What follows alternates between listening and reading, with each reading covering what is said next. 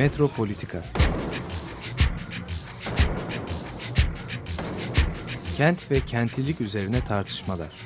Ben oraya gittiğim zaman balık balık balık balık tutabiliyorum mesela.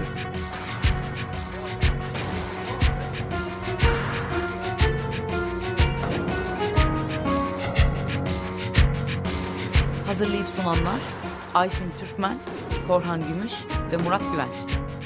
Takusu yok yani. kolay kolay boşaltamadılar. Yani elektrikçiler terk etmedi Perşembe Pazarı merkezinde. Merhabalar değerli Açık Radyo dinleyicileri.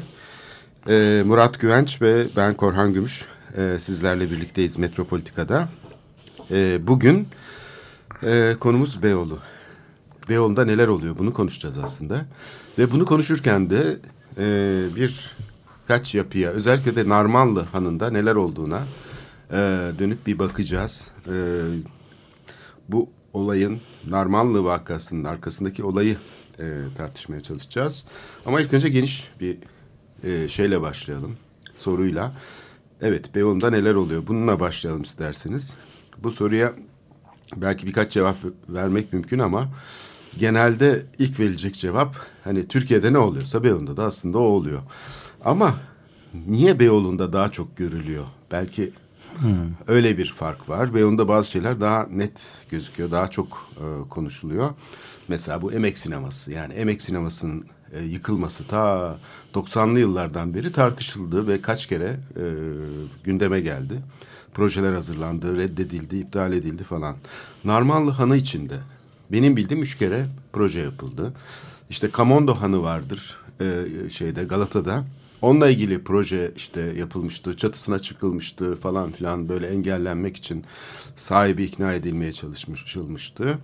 İşte kristal sineması, majik sineması falan bunlar da yerinde durmuyor artık. Demirören oldu bir tanesi. Ama daha önceki dalgalar da var. Yani bu AVM yapılmadan önce ya da otel yapılmadan önce bu anıt yapılar, Beyoğlu'nun anıt yapıları işte Tokatlayan Oteli mesela çok görkemli bir otelken tam da şeyken yani bugünkü anlamıyla e, otel olmuşken birdenbire bir pasaja çevrildim. Çevrilmiş 70'li yıllarda. İşte Kamondo binalarının başına çok şey gelmiş. Çoğu elektrikçi çarşısı olmuş. 50'ye yakın Kamondo yapısı var. 50'den fazla hatta. E, Kamondo ilk belediyenin şeyi olduğu için hamisi. E, 19. yüzyıl sonunda çok sayıda emlak e, şeyinde yer almış bir e, banker aslında. İşte Markis Pastanesi'ni gördük. E, çalışmadı bu sistem. Şimdi e, Narmanlı'ya sıra geldi. Belediye binaları bu arada satıldı e, işte tekstil firmasına falan filan. Yani kamu yapıları da el değiştiriyor. Yakında belki İETT Hanı ya da ona ne diyoruz? Metro Han diyoruz. Ona da sıra gelebilir. İlk belediye hizmetlerinin gerçekleştirildiği modern belediyenin binasından söz ediyoruz. Tünelin üstündeki tünel çıkışının. Şimdi ben şöyle bir şeyle başlamak istiyorum. İlk önce bir geniş perspektif içinde baktığımızda 90'lı yıllardaki dönüşüm e, şeyi deneyimi 80'li yıllardan başlayarak aslında güçlenen bir e, şeydi. E, kamunun e, informal bir şekilde müdahale ettiği süreçlere bir modeldi. Yani yasal, yasal çerçeveyi değiştirmeden bu yasal çerçeve içinde kalarak ama bir takım işte şeyleri arsaları şeylere e, sermaye gruplarına dağıtarak onlara imar izni vererek imara kapalı alanları Boğaz'da işte Beyoğlu'nda da işte sonradan Beyoğlu sınırları dışına çıkarılan Gök Kafes, Park Otel falan bunların örnekleri. Onun geçmişte de örnekleri var. Şöyle Beyoğlu silüetine baktığınız zaman zaten hemen görüyorsunuz. Onlar nasıl yapılmış? İşte o tarihlerde yapılan binalar genellikle imar hakları üzerindeki bir oynamayla ya elde edilen bir gelirle ya da işte bildiğimiz e, kentsel dönüşüm yapsatçı modelle tek tek binaların yıkılıp yapılmasıyla burada belediye kendi e, şeyini uyguluyor. Yani koruma planlarını askıya alıyor. Bir süre işte yaklaşık kaç yılında e, 93 yılından 2015-14 yılına kadar hala Be Beyoğlu'nun koruma planları onaylanmış değil. Dolayısıyla 15 yıllık bir e, 15 yıldan da fazla 20 yıllık e, 30 yıllık bir süreç e, bu e, yasaların da gö göz ardı edildi ya da e, hukuk şeyinin engel oluşturmadığı bir şey yaratmaya çalışıyor yönetim. Ama yasalarla düzenlemeye çalışmıyor bu imar sürecini. Bunun arkasında aslında hem yandaşlarına hem e, kendisine de kaynak e, aktarma, gelir paylaşımı düzenleme kaygısı var. E, bugünkü sistem ise e, bundan biraz farklı gerçekleşiyor. İşte e, Beyoğlu'nun bütün sahilleri neredeyse özelleştirilmiş durumda. Yasayla plan dışı bırakılmış durumda. Yani e, e, dış ticaret limanı, modern liman, Tophane'den başlayarak tersaneler özelleştirilmiş durumda.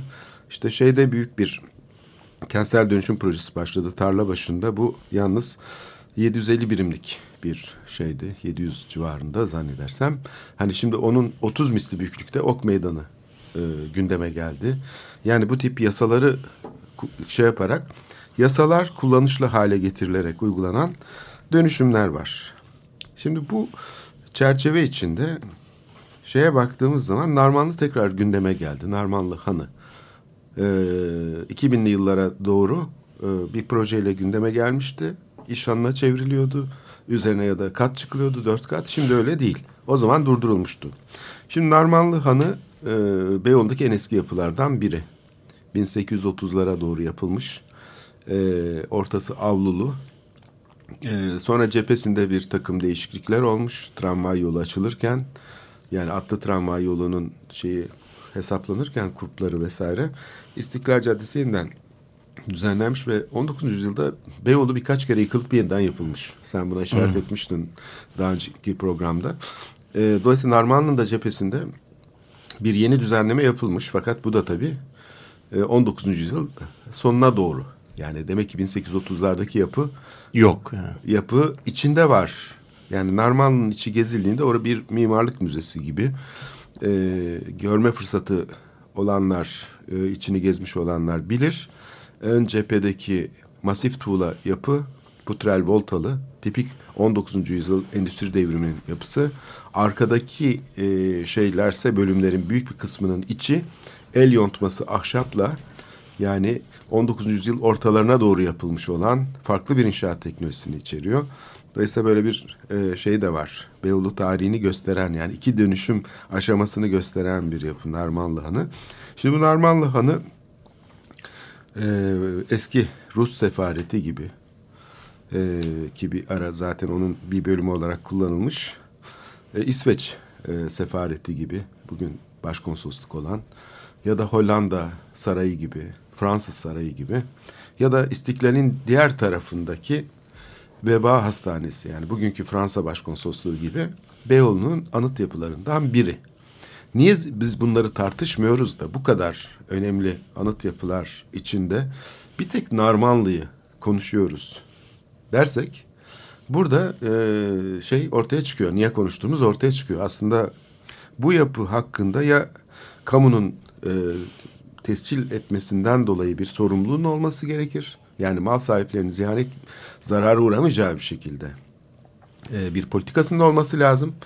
Geçtiğimiz e, müdahalede yani 90'lı yılların sonundaki müdahalede e, kamu tarafı şunu söylemişti. Mal sahipleri zarara uğramıştır. Bu yapı iki buçuk katlıdır. Üzerine dört kat çıkma hakları var. Dolayısıyla onun için izin veriyoruz. Biz de demiştik kamu tescil ediyor. Koruma kurulusun sen. Böyle bir karar veremezsin deyip mahkemede iptal ettirmiştik bu kararı. Çünkü koruma kurulunun böyle bir karar vermesi gerçekten bir skandaldı. Şimdi dolayısıyla kamunun yapabileceği şey ya böyle bir yapıyı devralmaktır bedelini ödeyerek ya da uygun bir işlev görerek e, teşvik etmektir. Yani bu işlevin gerçekleşmesini teşvik etmektir. Şimdi burada yapılan projeyi açıklayan işte e, Biyanet'te geçen hafta bir röportaj vardı. Müellif. Müellif diyor ki piyasa şartları ne gerektiriyorsa onu yapacağım. Yani bu da sanat galerisi de olabilir ama restoran olacak. Altında işte mağazalar olacak falan. Şimdi bu çok e, tuhaf bir şey. Çünkü yani şey yaptığımız takdirde e, piyasa koşulları karar verdiği zaman, piyasa koşullarına göre karar verildiği zaman çok geç oluyor. Yani o zaman kamu politikası geliştirmek mümkün değil. Yani buranın ne olacağına ka, e, kamu politikası geliştirilmeden piyasa karar veriyorsa Beyoğlu'ndaki bütün çalışanlar, esnaf, halk bu işten zarar görür. Çünkü restorana bir restoran daha eklenmiş olacak. Oysa ki bu anıt yapı çok farklı şekillerde kullanılabilir. O zaman belki kar etmeyebilir ama Beyoğlu kazanabilir. Bunun örneği işte Venedik'teki ben şeyi e, söylüyorum hep Punto della Dogane bu yapılar tam şehrin e, köşesinde büyük kanalın köşesinde duruyordu. Boş duruyordu. E, Venedik Belediyesi e, bu yapıları bedava olarak François Pinault Vakfı'na verdi. Niye verdi? Çünkü bunun karşılığında koleksiyonunu Venedik'e getirme sözü verdi Pinault. Pinault Vakfı.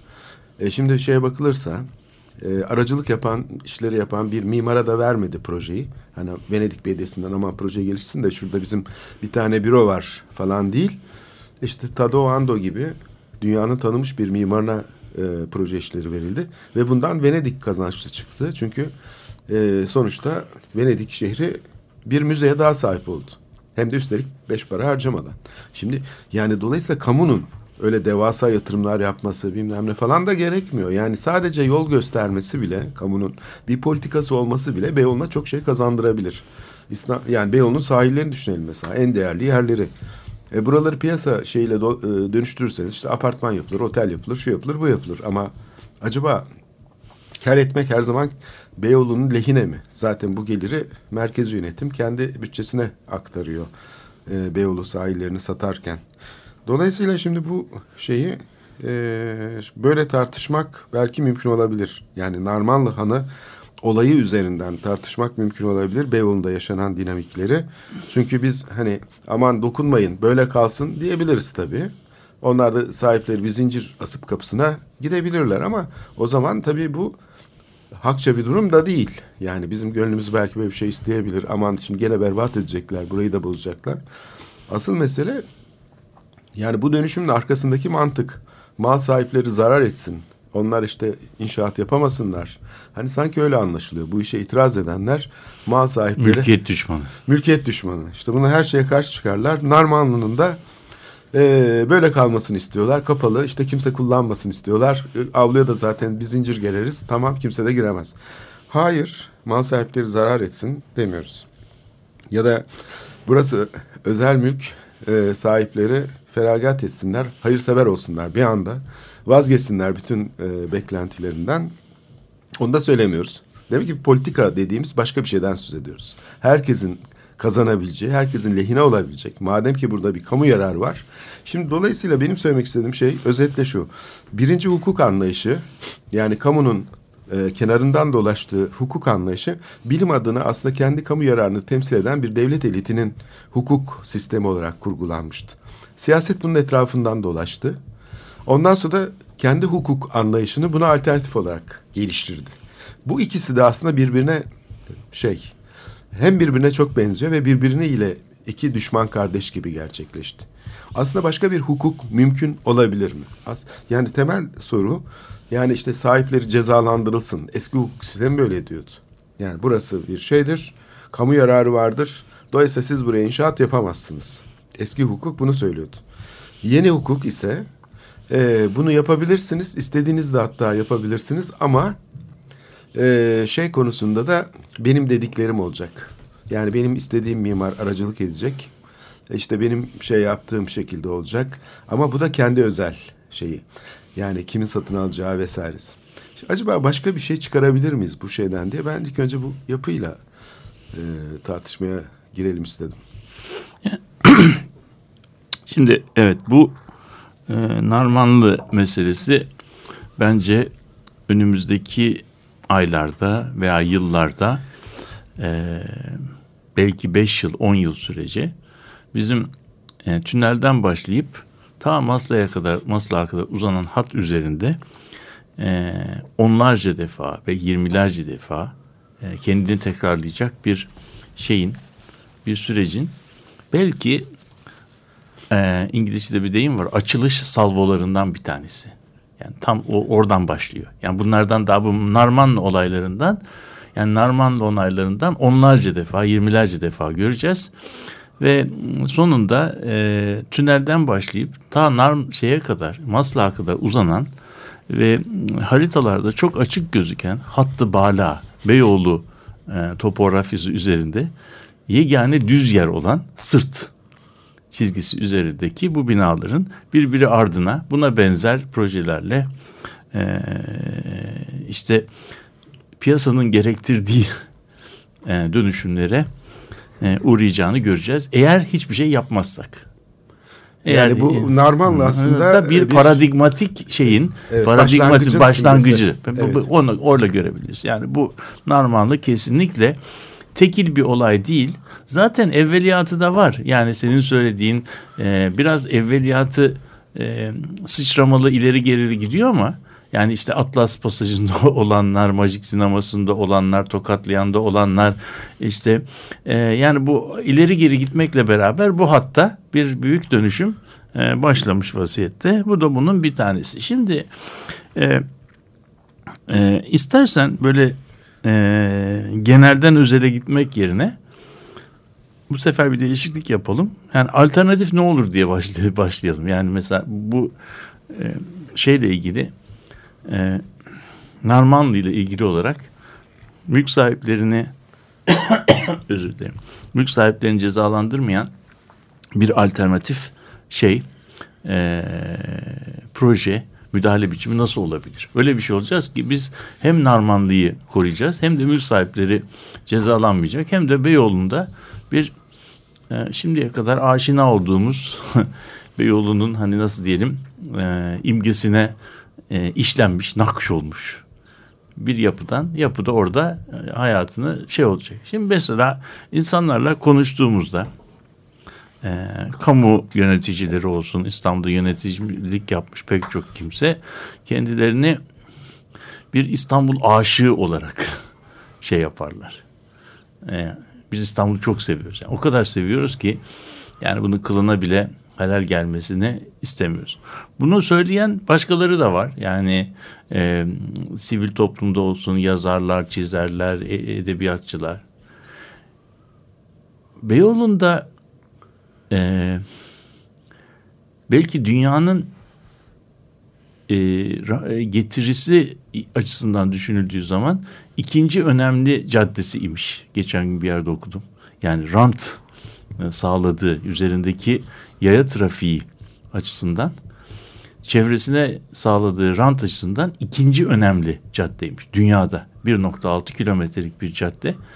Bu bunun etrafındaki oluşan e, ticari değer artışı yani gayrimenkul değer artışı dünyada sadece bir yerde var. Bu dünya çapında bir yer. E şimdi bu bu gayrimenkul değer artışından yarar sağlayan onlarca yüzlerce e, değil mi? Yani orada emlak sahibi var, dükkanlar var, bankalar var, kurumlar var tamam mı? Ve bu değer artışı aslında Beyoğlu Beyoğlu olduğu için e, yani bizim Beyoğlu dediğimiz veya İstiklal Caddesi dediğimiz veya eski dilde Cadde-i Kebir yani Grand Rue de Pera olduğu için e, bu şey yapılıyor. Grand Rue de Pera'nın ne anlama geldiğini biraz sonra niye başka yer olmuyor da orası oluyor onu- da onu da konuşmamız lazım. Çünkü biz gündelik hayatımızı yaşarken İstanbul'da bazı şeyleri gözden kaçırıyoruz. Ona ona da geleceğim. Ama benim rüyam şu. Eğer bu 1.6 kilometre uzunluğunda bir caddeyse dünyanın en yüksek e, gayrimenkul e, fiyatlarının bulunduğu ikinci cadde ise burada da onlarca, yüzlerce, binlerce e, mülk sahibi varsa bu mülk sahipleri bu caddenin e, şeyinden e, nasıl diyelim getirisinden her ay, her hafta nemalanıyorlar demektir. Bunu, bunu biliyoruz değil mi? Burada burada kiracıların hatta haklarını da e, ellerinden alan bilmem kaç yıldır kira olanları çıkartabilecek ka- kanun da yapıldı. Yani burada kiracıların e, kiracıların getirdiği bir e, engelden de bahsedilemez. Burada mülk sahipleri açık söyleyelim bu işten bu İstiklal Caddesi'nin İstiklal Caddesi olmasından çok e, nemalanıyorlar. Yani bu, bu bunu ve bunun karşılığında da bunun karşılığında da Türkiye'de bir gayrimenkul değer artış vergisi henüz uygulanmadığı için veya beş yılda bir uygulandığı için önemli bir gelir transferi de oluyor. Olan oldu aslında. Olan olmuş. Şimdi Şimdi- şimdi, benim benim rüyam şu. E peki buradan bu kadar e, şey yapan, e, yararlanan insanlar şimdi Hülya, Hülya bir alternatif politika. Yani bir bu, e, korumacılığı devlet değil de bu sivil toplum yapsa. Buradaki emlak sahipleri biz bu değerlerimizi buranın emlak e, şeylerini mutlaka korumamız lazım. Çünkü bizim şeyimiz yani bizim gelirimiz buranın e, erişilebilirliği olduğu kadar mimari peyzajıyla da ilgili bir şey. Biz bu peyzajı korumak için bir şey e, ödemeye hazır mıyız diye kendi kendine sorsalar. Genellikle bu sorunun negatif e, yanıtlanacağını çok iyi biliyorum. Çünkü e, ben tarih vakfında çalışırken veciz bir ifade duymuştum birisinde. Ül- Ülkemizde aidiyet duygusu çok yüksektir ama aidat duygusu düşüktür derlerdi. Yani bunun için kimse cebine eleyip eline parayı e, atıp da beş kuruş vermez. Yani oranın peyzajını korumak için. Kim korursa korusun derler. Bu ama böyle olduğu zaman eğer e, ben alternatifini düşünelim. Yani hiçbir koruma kurulu falan olmasa. E, Beyoğlu'nda bu işten nemalanan insanlar kendi aralarında bir sivil toplum derneği kursalar. Beyoğlu'nu güzelleştirme. Sadece bir kesimi değil de ama bütün kesimler. Evet. Ve de deseler ki biz buranın peyzajını koruyacağız. Bu peyzajı korumak için de Pamukkale'ler Ceve bundan zarar görecek koruma nedeniyle tırnak içinde söylüyorum mutazarrır olacak insanların o çıkmadıkları katları tazmin ediyoruz. Biz kendimiz tazmin ediyoruz. Telafi edeceğiz. Telafi ediyoruz. Ve o insanlar kardeşim sen burada dört kat yapsaydın ne kadar para kazanacaktın bugünkü artı? Biz sana burayı şöyle bir ödeme planı içerisinde şey yapıyoruz. Ee, karşılıyoruz. Bu problem kendiliğinden çözülürdü. Zaten Anladın kat mı? çıkmaya da Ge- gerek, yok bazı Yani yerlerde. ba- ba- işte Evet. söylemek istediğim bu e, kat çıkmadan işlev değişikliği ile orayı getiri düzeyi çok daha yüksek buluşçu bir kullanımla kullan kul- şeyle e, tahsis etmek nedeniyle orada günde önünden bir milyon kişinin geçtiği bir yeri e, muazzam gelir getirici bir yere çevirmek mümkün. Bunun için kat çıkmaya da gerek yok. Yani önemli olan biraz düşünmekle. Bunu e, ama bunu e, maalesef e, yapmıyoruz. Şimdi senin konuşmanda benim e, problematize etmek istediğim şeylerden bir tanesi bu kamu sözcüğü. Sen kamu sözcüğünü çok seviyorsun.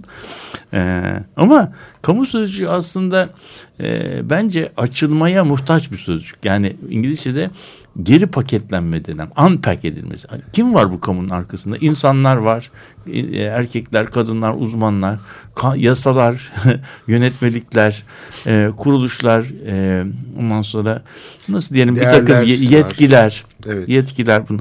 Şimdi bunu bunu açtığımız zaman bu kamu kamuyu e, bu kamu neler yapabilir diye baktığımız zaman e, buradaki kamunun e, yapmak istediği koruma meselesi burada zaman içerisinde içeriğinden o kadar e, boşalmış ki tamamen bir usulî oyuna dönmüş. Usulî kelimesini prosedürel anlamında kullanıyor.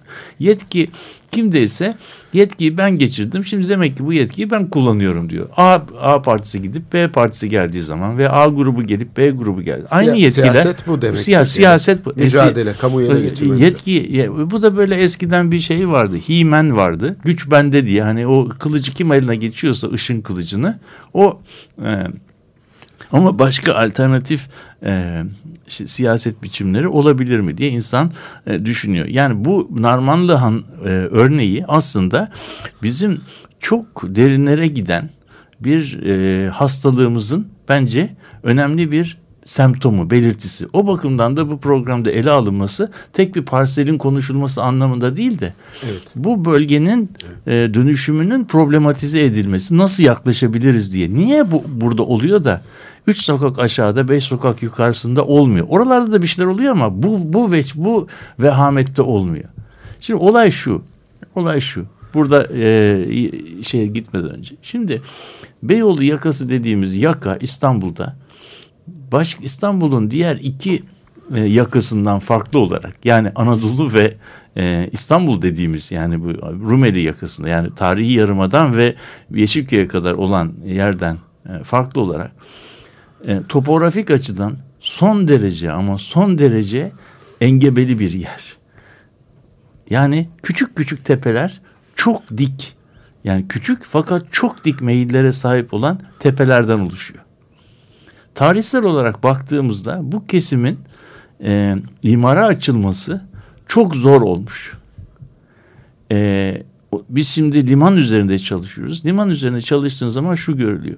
1870'lerde bu Gavant şeyi yapana kadar e, e, Tüneli. tünel, tüneli yapana kadar e, Galata tarafındaki şehir merkezi fonksiyonu, ticaret fonksiyonları o yüksek kaldırımın insanı nefes nefese bırakan tüketici yokuşunu çıkamadıkları için e, bu bizim Demir Kapı Caddesi ile Mahmudiye Yorgancılar Caddesi arasında yani Azep Kapı ile Tophane arasında bir yatay eksen üzerinde gelişmiş şeyin Galata'nın çarşısı. Yani Tophane'den başlıyor. Bugünkü böyle şeyin liman arkasından giderek o Rum okulun önünden ta Azep kapıya kadar önen, uzanan yerde muazzam bir çarşı var. Şimdi bugün o çarşıdan tabii eser kalmıyor. Yeni Çarşı Caddesi buna mı işaret ediyor? Yok yok yani şeyde e, limanda limanda. Tophane'den limanda. çıktığımızda- yuk- yukarıya çıkmıyoruz. Liman limanın arkasında hiç meyil çıkmayan düz bir cadde. Ha, Bu tüm Perşembe pazarının önüne dönerek. geçen. Evet, Yani anladım. şeyden Tophane'den Azep Kapı dediğimiz yani şeye kadar o Sahilde. Şişhane, sahilde. Yani çünkü yokuş çıkılamaz. Yani bir yerde şey olabilmesi için, ticaret olabilmesi için düz ayak olması lazım. Düz ayak olmayan yere müşteriyi çıkarman çok zordur. Onun için bir yerde gündelik alışverişin yapıldığı yerde düz ayak olması lazım. Galata surları 65'te yıka- yakı- yıkı- yıkıldıktan sonra belediyeyle beraber problem bir düz şehrin gelişebilmesi için düz bir mekan bulmak lazım. Beyoğlu'nda da bu yok. Nasıl yapacağız edeceğiz derken bu Gavant'ın tünel problemi çözen bir mucit bir e, büyük bir katkı oluyor. O yapıldığı zaman bu sefer tünelden tünelden o şeye binen e, finikülere binen adam kendini tünel meydanında buluyor. Tünel meydanına çıktığınız zaman ise Maslak tünel meydanının denizden yüksekliği 70 metre. Maslak'ın yüksekliği ise 110 metre. Yani tünelden Maslak'a kadar 14 kilometre yürüdüğümüz zaman sadece 25-30 metrelik bir kod farkı var. Orası İstanbul'un aslında Şanzelize'si yürünebilecek şey. Ama bizim yürünebilecek me- merkezi yarattığımız yerde eee, bir düzlükte değil de çatıda. Yani bir şeyin topografik olarak biz eski dilde çat, çat, hattı bağla veya çatı hattı üzerinde bu işi yapmışız. İstiklal Caddesi'nden başlayan gözümüzün önüne getirelim. O caddenin üzerinden 200 metre sağa, 200 metre sola gittiğimiz zaman yüzde onlara varan meyillerle karşılaşıyoruz. Orası İstanbul'un eskiden suyun geldiği, drenajın en güzel olduğu, yolların çamur olmadığı, e, hava en havadar ve en fazla yerleşilesi e, yerlerinden bir tanesini oluşuyor. Ve İstanbul'un merkezi de bu tarafta gelişmiş oluyor. Şimdi İstanbul'un merkezi burada nasıl gelişmiş ona bakalım. Atlı tramvay dört dönemi var. Atlı tramvay döneminde bu merkez tünelden Taksim'e kadar geçmiş. Taksim'in ötesinde çok e, seyrek bir doku oluşmuş. İkinci dönemde tramvayın elektriklenmesiyle beraber bu hattaki gelişme Şişli'ye kadar e, uzanmış, Sıçramış. sıçramış. Ve bu sıçramaların sonunu da şehrin sonunu da tramvayların depolarının olduğu yerden anlarız.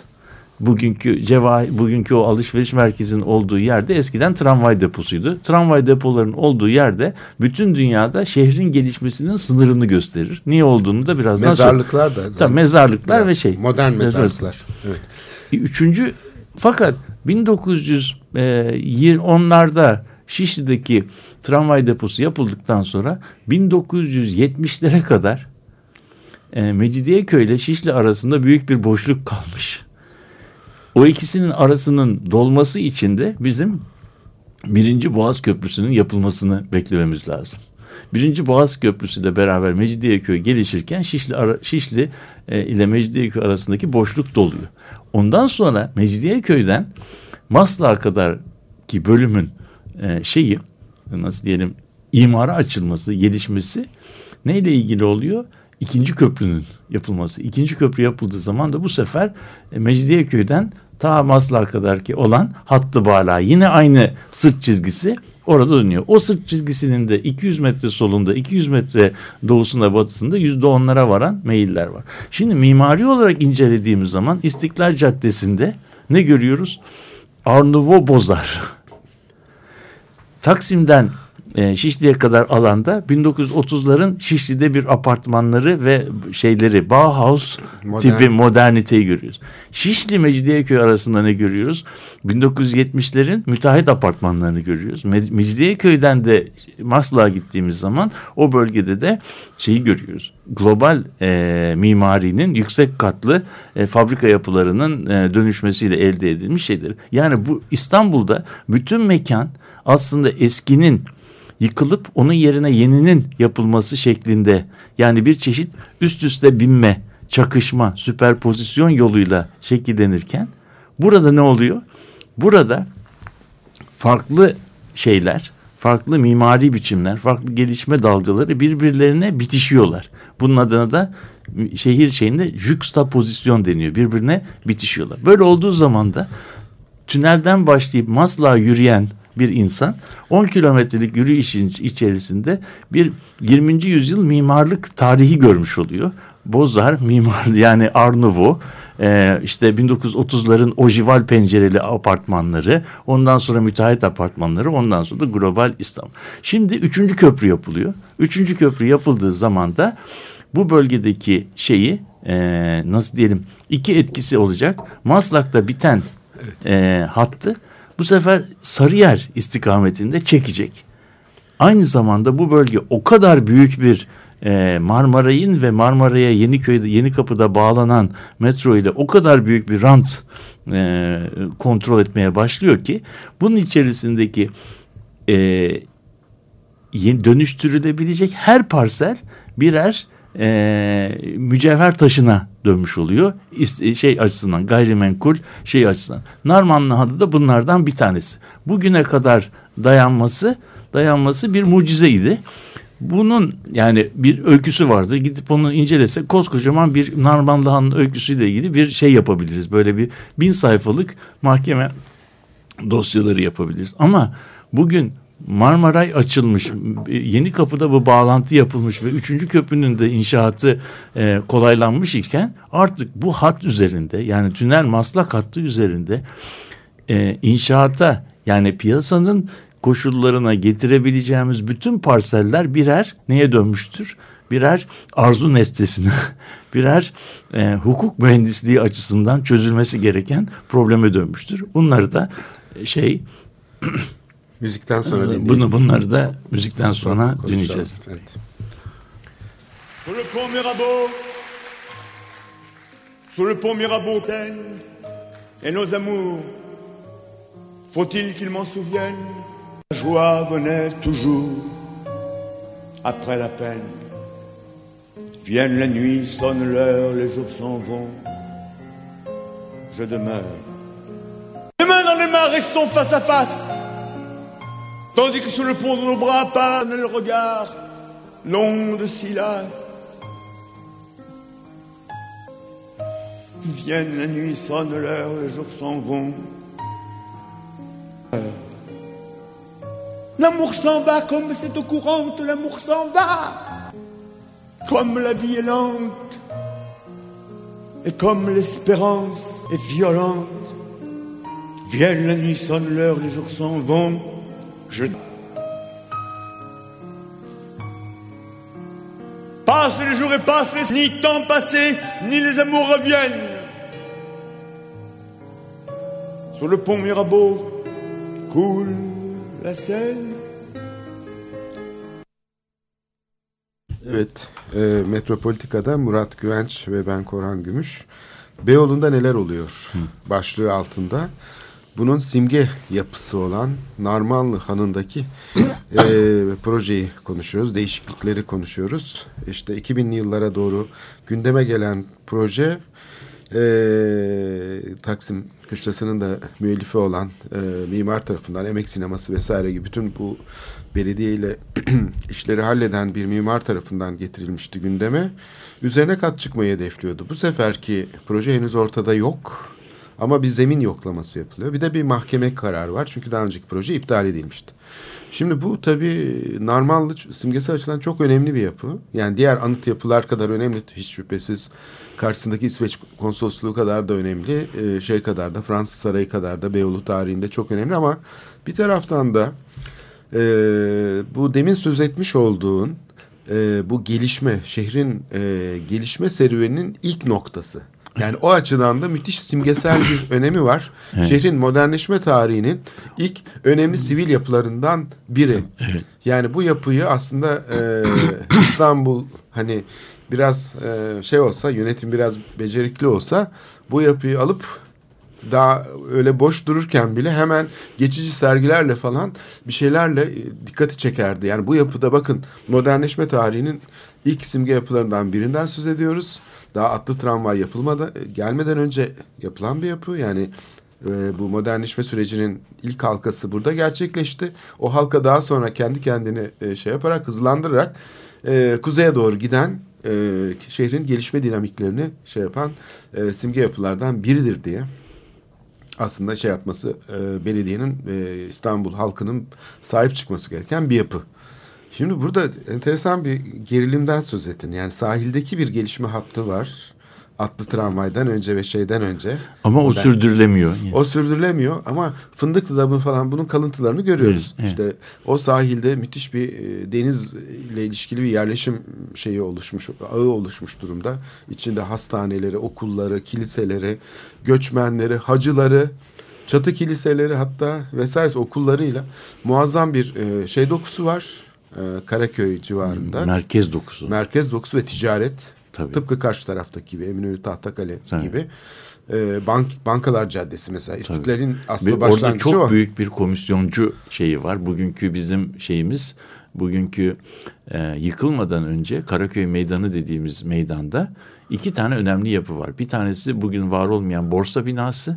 Onun da karşısında borsa brokerlarının yani bankerlerin bulduk, bulundukları e, Demirkapı Caddesi ile e, şey arasını kapsayan yani e, hat olarak e, şey alırsak e, yüksek kaldırımın arasını dolduran bugünkü o boşlukta Javier Han denen çok büyük bir han var. Bu hanın içerisinde belki 500'e yakın küçük komisyoncu ofisi var. Yani orası aslında biz e, şeyi e, Karaköy Meydanı'nın istimlakini yapmakla yaptığımız iş 1955 yılında Londra'dakinin Londra'dakine benzeyen The City yani İstanbul'un finans me- merkezini yıkmış vaziyetteyiz. Yani borsa binasını da yıkmış, karşısındaki brokerları da yıkmış vaziyetteyiz. Kaç yıl için yıkmışız bunu? Bunu yıkmamızın sebebi Salıpazarı rıhtımını ya- limanını açmak için Salıpazarı limanının faaliyete girmesi 1957, faaliyetten çıkması 1968. Yani bunun arasında 11 11 senelik bir limanı kullanmak için İstanbul'un tarihindeki yüzlerce yıllık finans merkezini ortadan kaldırıp ondan sonra onlarca yıllık bir yeraltı çarşısıyla yetinmek ve oradaki boşlukla yetinmiş. Yani Ama işte, işte, Haliç yıkımları da böyleydi. E, tabii, tabii, Haliç tabii. yıkımları Yani bu- da yani işte e, sadece şehir e, temizlensin, Haliç'in e, mavi rengi gözleri olsun. olsun diye değil.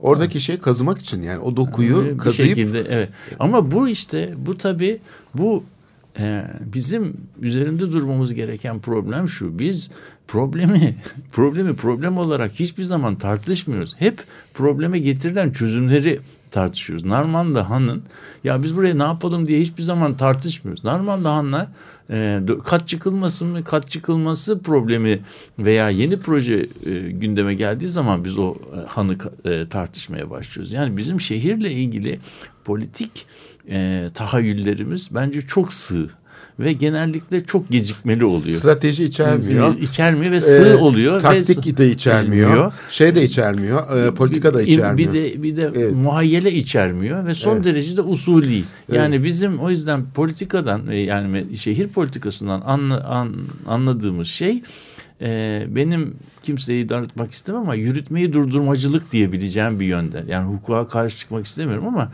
yani e, tek düşünebildiğimiz şey bir dava açalım. Mahkemede bunu durdursun. Bu aslında çok edilgen bir şey.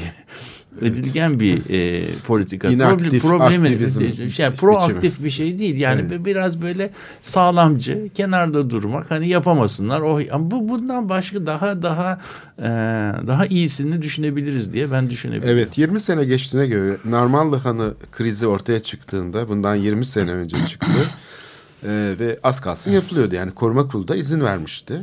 Herkesin bütün onayların tamamlandığı. Yani ben projeyi gördüğüm için biliyorum. Altında imzaları da biliyorum. Nasıl isim vermeyelim. İsim vermeden söylüyorum. Yani imzalarıyla birlikte her şey bitmiş danışmanlarıyla e, koca koca e, kişilerin olduğu bir proje. Şimdi böyle bir proje o dönem yapılamadı. Peki aradan 20 sene geçti. 20 senede şimdi bizim proje dediğimiz şey işte tam da bu noktaya gelmek istiyordum ben. E, sen o, onun altını çizdin. Proje dediğimiz şey aslında bir semptom. Yani arkasında kurumsal işleyişler olan bir takım süreçlerin şekillenmiş ve tamamlanmış olduğu sahiplik ilişkisi, aidiyet ilişkisi, e, kamu yönetiminin e, kararları meselesi, yasal çerçevedeki yapılması gereken süreci bunların hepsi tamamlandıktan sonra ortaya çıkan nihai ürüne proje diyoruz. Evet. İnşaat kadar e, bitmiş bir ürün olmasa da proje aslında bitmiş, ucu kapalı bir e, süreç. Çünkü Artık ne olacağı belli yani artık orada. Evet proje ortaya konmuş olduğunda artık çocuk dünyaya gelmiş oluyor. Yani bütün araştırmalar, bütün şeyler, e, gidiş gelişler, e, ş- e, bu süreçteki dalgalanmalar, e, bütün bunların hepsi ortadan kalkmış ve bir nihayete, bir durgu, statik bir duruma gelinmiş oluyor. Evet. Bütün bu yani sistemin işleyişinde proje herhalde e, yani emek sineması projesi karşımıza çıktığında bizim o yüzden ona itiraz etmemiz aslında yani Çok- çok geç oluyor. Sen niye dünyaya geldin? Senin yani gelmemen gerekirdi falan gibi bir şey oluyor. Oysa ki bu sürecin içinde tek bir olay değil. Narmanlı olayı ya da emek sineması başımıza ilk defa gelen olaylar değil ya da Taksim'deki gezi o- şeyindeki yapılmak istenen kışla. En az beş kere gündeme geldi. Niye peki? Yani biz sadece itiraz edip hani git bakayım şuradan deyip uzaklaştırıyoruz projeyi. Sonra proje tekrar e, şey yapıyor tabii. Vakti gelince tekrar. Vakti yolca tekrar çıkıyor ortaya. Bir tane daha belki şey yaparız diyoruz. Hani onu itebiliriz. E, fakat o tekrar tekrar e, şey yaparak inatla e, çünkü yani bunun arkasında para var. Evet. Güç var. E, siyasetçinin üstelik de iradesi var. Yatırımcının şey aşkı var, İstanbul aşkı var, para kazanma aşkı var. Yani bütün aktörlere bakarsan o inşaatta çalışacak insanın bile, pazarda çalışan insanın bile e, bunun üzerinde bir e, şeyi var, beklentisi var. Doğru. Dolayısıyla proje onu temsil ediyor. Proje sadece bir binanın başına gelenleri temsil etmiyor. Çok kompleks bir şey. Kompleks Çok- bir şey. Evet. Şimdi biz bu değerler sistemine, bu kompleks yapıya sadece semptom üzerinden yani ortaya çıkmış e, ürün, son ürün üzerinden konuşmaya başladığımız zaman da e, eşitsiz. Yani bataklığı, bataklığı sinekleri öldürerek kurutmaya çalışmak gibi bir şey Aynen olmuş öyle. oluyor. Yani evet. Ve biz semptom üzerinden hastalığı tedavi etmeye çalışıyoruz. O yüzden de Narmanlı olayın arkasında ne var? Ya da Beyoğlu'nda olan bitenin arkasındaki şeyleri, gelişmeleri düzenlemek, işte politika geliştirmek, e, bu tip- düşünmek, düşün, muha- düş- hayal kurmak, yeni değerleri sorgulamak, acaba alternatifi ne olabilir diye e, tartışmak, düşünmek, tartışmak. ve bunu kamuoyunun anlamasını sağlamak. Yani şimdi Evet. şöyle anlıyorsa kamuoyu ya bu entel dantel şimdi belediye başkanının deyimiyle kullanalım. İşte o tip şeylere sahip olan insanların duyarlılığıdır işte emek sineması falan. Eğer böyle anlıyorsa kamuoyu da o zaman iş çok zor demektir. Yani herkese rağmen biz doğruyu biliyoruz. Hani bu Evet. eski devlet anlayışı tam da işte Evet. 1930'ların modeli halk için doğru veya yanlış nedir? Biz entelektüeller bunu savunuruz. Halk zaten cahildir. Politikacılar da pek bu işlerden anlamaz. Zaten hep kötü niyetlidir. Ee, biz de buna karşı savunuruz şehrimizi. Şimdi bu kaybetmek için aslında söylenmiş sözler bunlar. Hani eskiden bir şey vardı. Son sözler diye. Bazı insanlar kaybedecekleri zaman bir takım sözler söylerlermiş. O sözlerin içinde zaten kaybı e, kabul etme şeyi var. Önemli Evet. olan bu süreç nasıl değiştirilebilir? Evet. Yani bence tabii e, değiştirilebilir değişimi düşünebilmenin ön koşulu bir de bir defa emrivakileri problematize etmekten geçiyor. Yani birisinin bir emrivaki olarak ortaya şey yaptığı problemi ya bu problem hep oluyor dikkat edersen. E, yani acaba Majik sinemasında olan, Tokatlayan'da olan, burada ol- olan, e, başka şimdi sayabileceğimiz e, emek sinemasında olan e, süreç acaba yani tesadüfen e, tesadüfen o bölgede yani birbiri ardına e, gündeme gelen projeler mi? Yoksa bunun arkası gelecek mi? Ben ben size söyleyebilirim ki bir ömrünü bu işte geçirmiş artık akademik kariyerinde sonuna gelmiş bir şehir araştırmacısı olarak söyleyebilirim ki Marmaray'ın Gebze Halkalı arasında çalışması ve Yeni Kapı'daki bağlantısından sonra ve üçüncü köprü bağlantısının da açılmasından sonra ve e, şey de e, açılacak efendim bu e, Marmara'ya paralel lastik tekerlekli tünel ve e, geçen gün Telaffuz edilen. telaffuz edilen Üç üç katlı. katlı, e, Gayrettepe e, efendim e, Gayrettepe e, Altunizade tünelinin e, açılmasından sonra bu, bu İstiklal Caddesi dediğimiz ki İstiklal Caddesi'nden ibaret olmayan şeyde başlayıp tünelde başlayıp Maslak'a uzanan bir su ayrım çizgisi ki o Beyoğlu yakasının üzerinde yürünebilir yegane düz hattıdır. Onun üzerinde sürekliliği olan hiçbir düzlük yoktur. Bunun üzerindeki bunun üzerindeki emlak değerlerinin 1'e, 3'e, 5'e, 7'ye, 10'a değil 100'e, 150'ye katlanmasını beklememiz gerekir.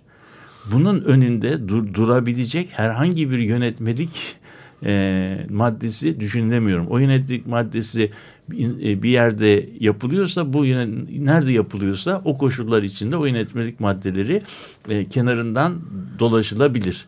Beyoğlu'ndaki mesela koruma planının neden bu kadar yıl onaylanmadığı e, e, sorusu da e, bence üzerinde durulması gereken bir şey. Koruma planı e, onaylanmadığı takdirde o zaman arazideki bütün parsellerde ilgili dönüşüm e, şeyleri tek tek dosyalar halinde tek tek konuşulan dosyalara dönüşüyor. Bir genel e, kural e, söylenmemiş oluyor. E, bunun bunun e, siyasi, iktisadi ve kültürel getirilerini tartışmamız lazım. Demek ki e, Beyoğlu'nda koruma planının onaylanmamış olması bir e, ek- eksiklikten kaynaklanmıyor. Bu, bu demek ki bunun an- anlaşılabilir nedenleri var. 90'lı yıllarda Narmanlı e, Han'ın dönüşüm projesinin e, bir sonuca e, varmamış olması e, projenin söylediğin gibi e, şeyden kalkması anlamına gelmiyor. Gündemden kalk. Demek ki o de, o dönemde demek ki burası yeterince olgunlaşmamış. Bugün ise o proje 90'lı yıllara oranla belki 20 kat daha çekici bir proje haline gelmiş vaziyette.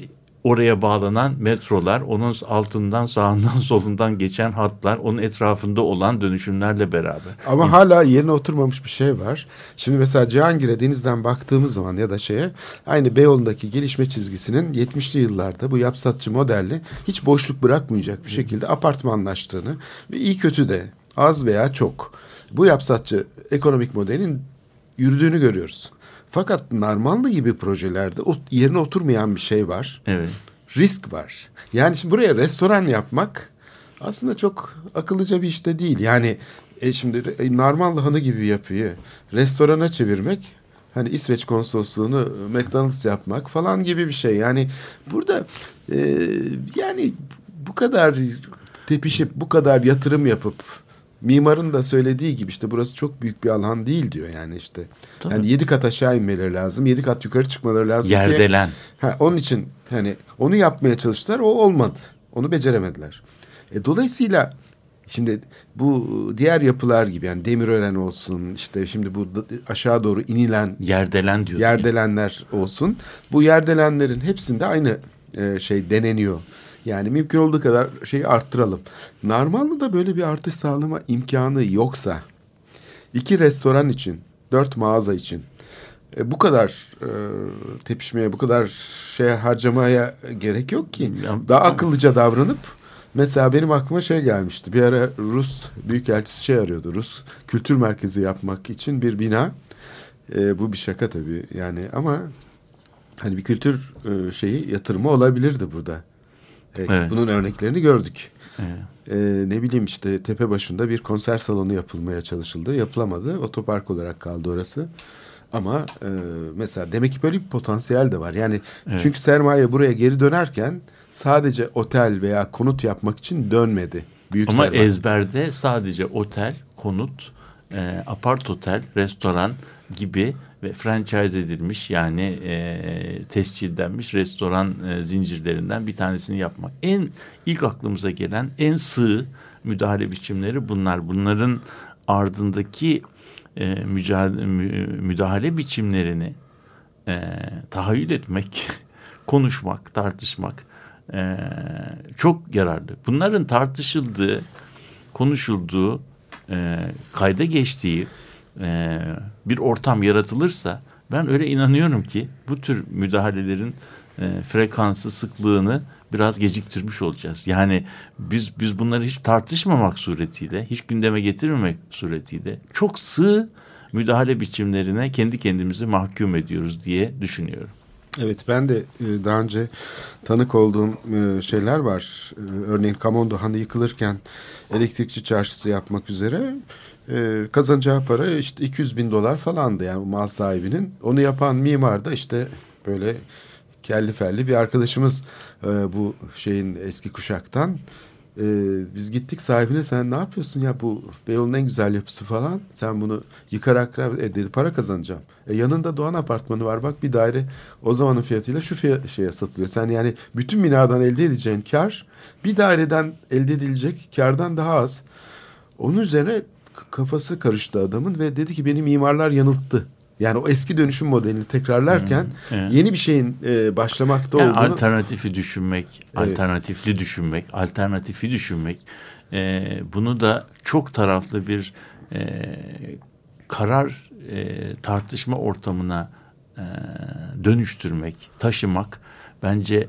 E, taşınmaz sahipleri ve şehirler açısından belki de en getir getir düzeyi en yüksek müdahale evet, e, ben de tarzı zaten oraya ezberden evet, ezberden restoran lazım. evet evet. Şimdi bu basma kalıp e, yöntemlerden evet. E, daha düşünsel ya da deneysel şeye geçmemiz Tarafı gerekiyor zekaya. Zengin, evet. Şimdi zeka problemi var burada.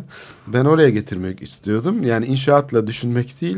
ilk önce düşünmeyle evet. başlamak gerekiyor. En kötü Farkında düşün. olmadan biz belediyeyi sanki e, gelişmeyi engelliyor e, e, gibi algılanıyoruz. Halbuki dersini çalışmaya davet evet. etmek gerekiyor kamuyu. Bu herkese bir... herkese açık evet. bir çağrı olsun. Evet. Bugün e, metropolitikayı bu evet. e, ton üzerinde bitirelim. Evet. E, değerli Haftaya destekçimiz. dersimiz olmayacak. Evet. Kamil şey. e, e, Şekeroğlu'na da teşekkür edelim e, programımıza verdiği destek için. Haftaya ya, evet ya. Açık Radyo. E, Daha pro bu program olmayacak. Biz evet. de bir, bir hafta tatil yapmış olacağız. Evet. Tekrar görüşmek üzere. Peki.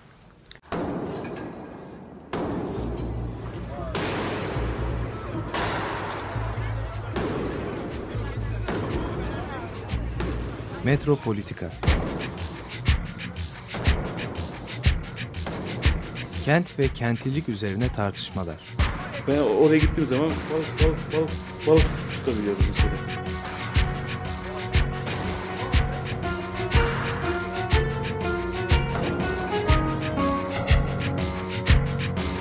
Hazırlayıp sunanlar Aysin Türkmen, Korhan Gümüş ve Murat Güvenç takusuyor ki. Kolay kolay boşaltamadılar. Yani elektrikçiler terk etmedi Perşembe Pazarı merkezinde. Açık Radyo program destekçisi olun. Bir veya daha fazla programa destek olmak için 212 alan koduyla 343 41 41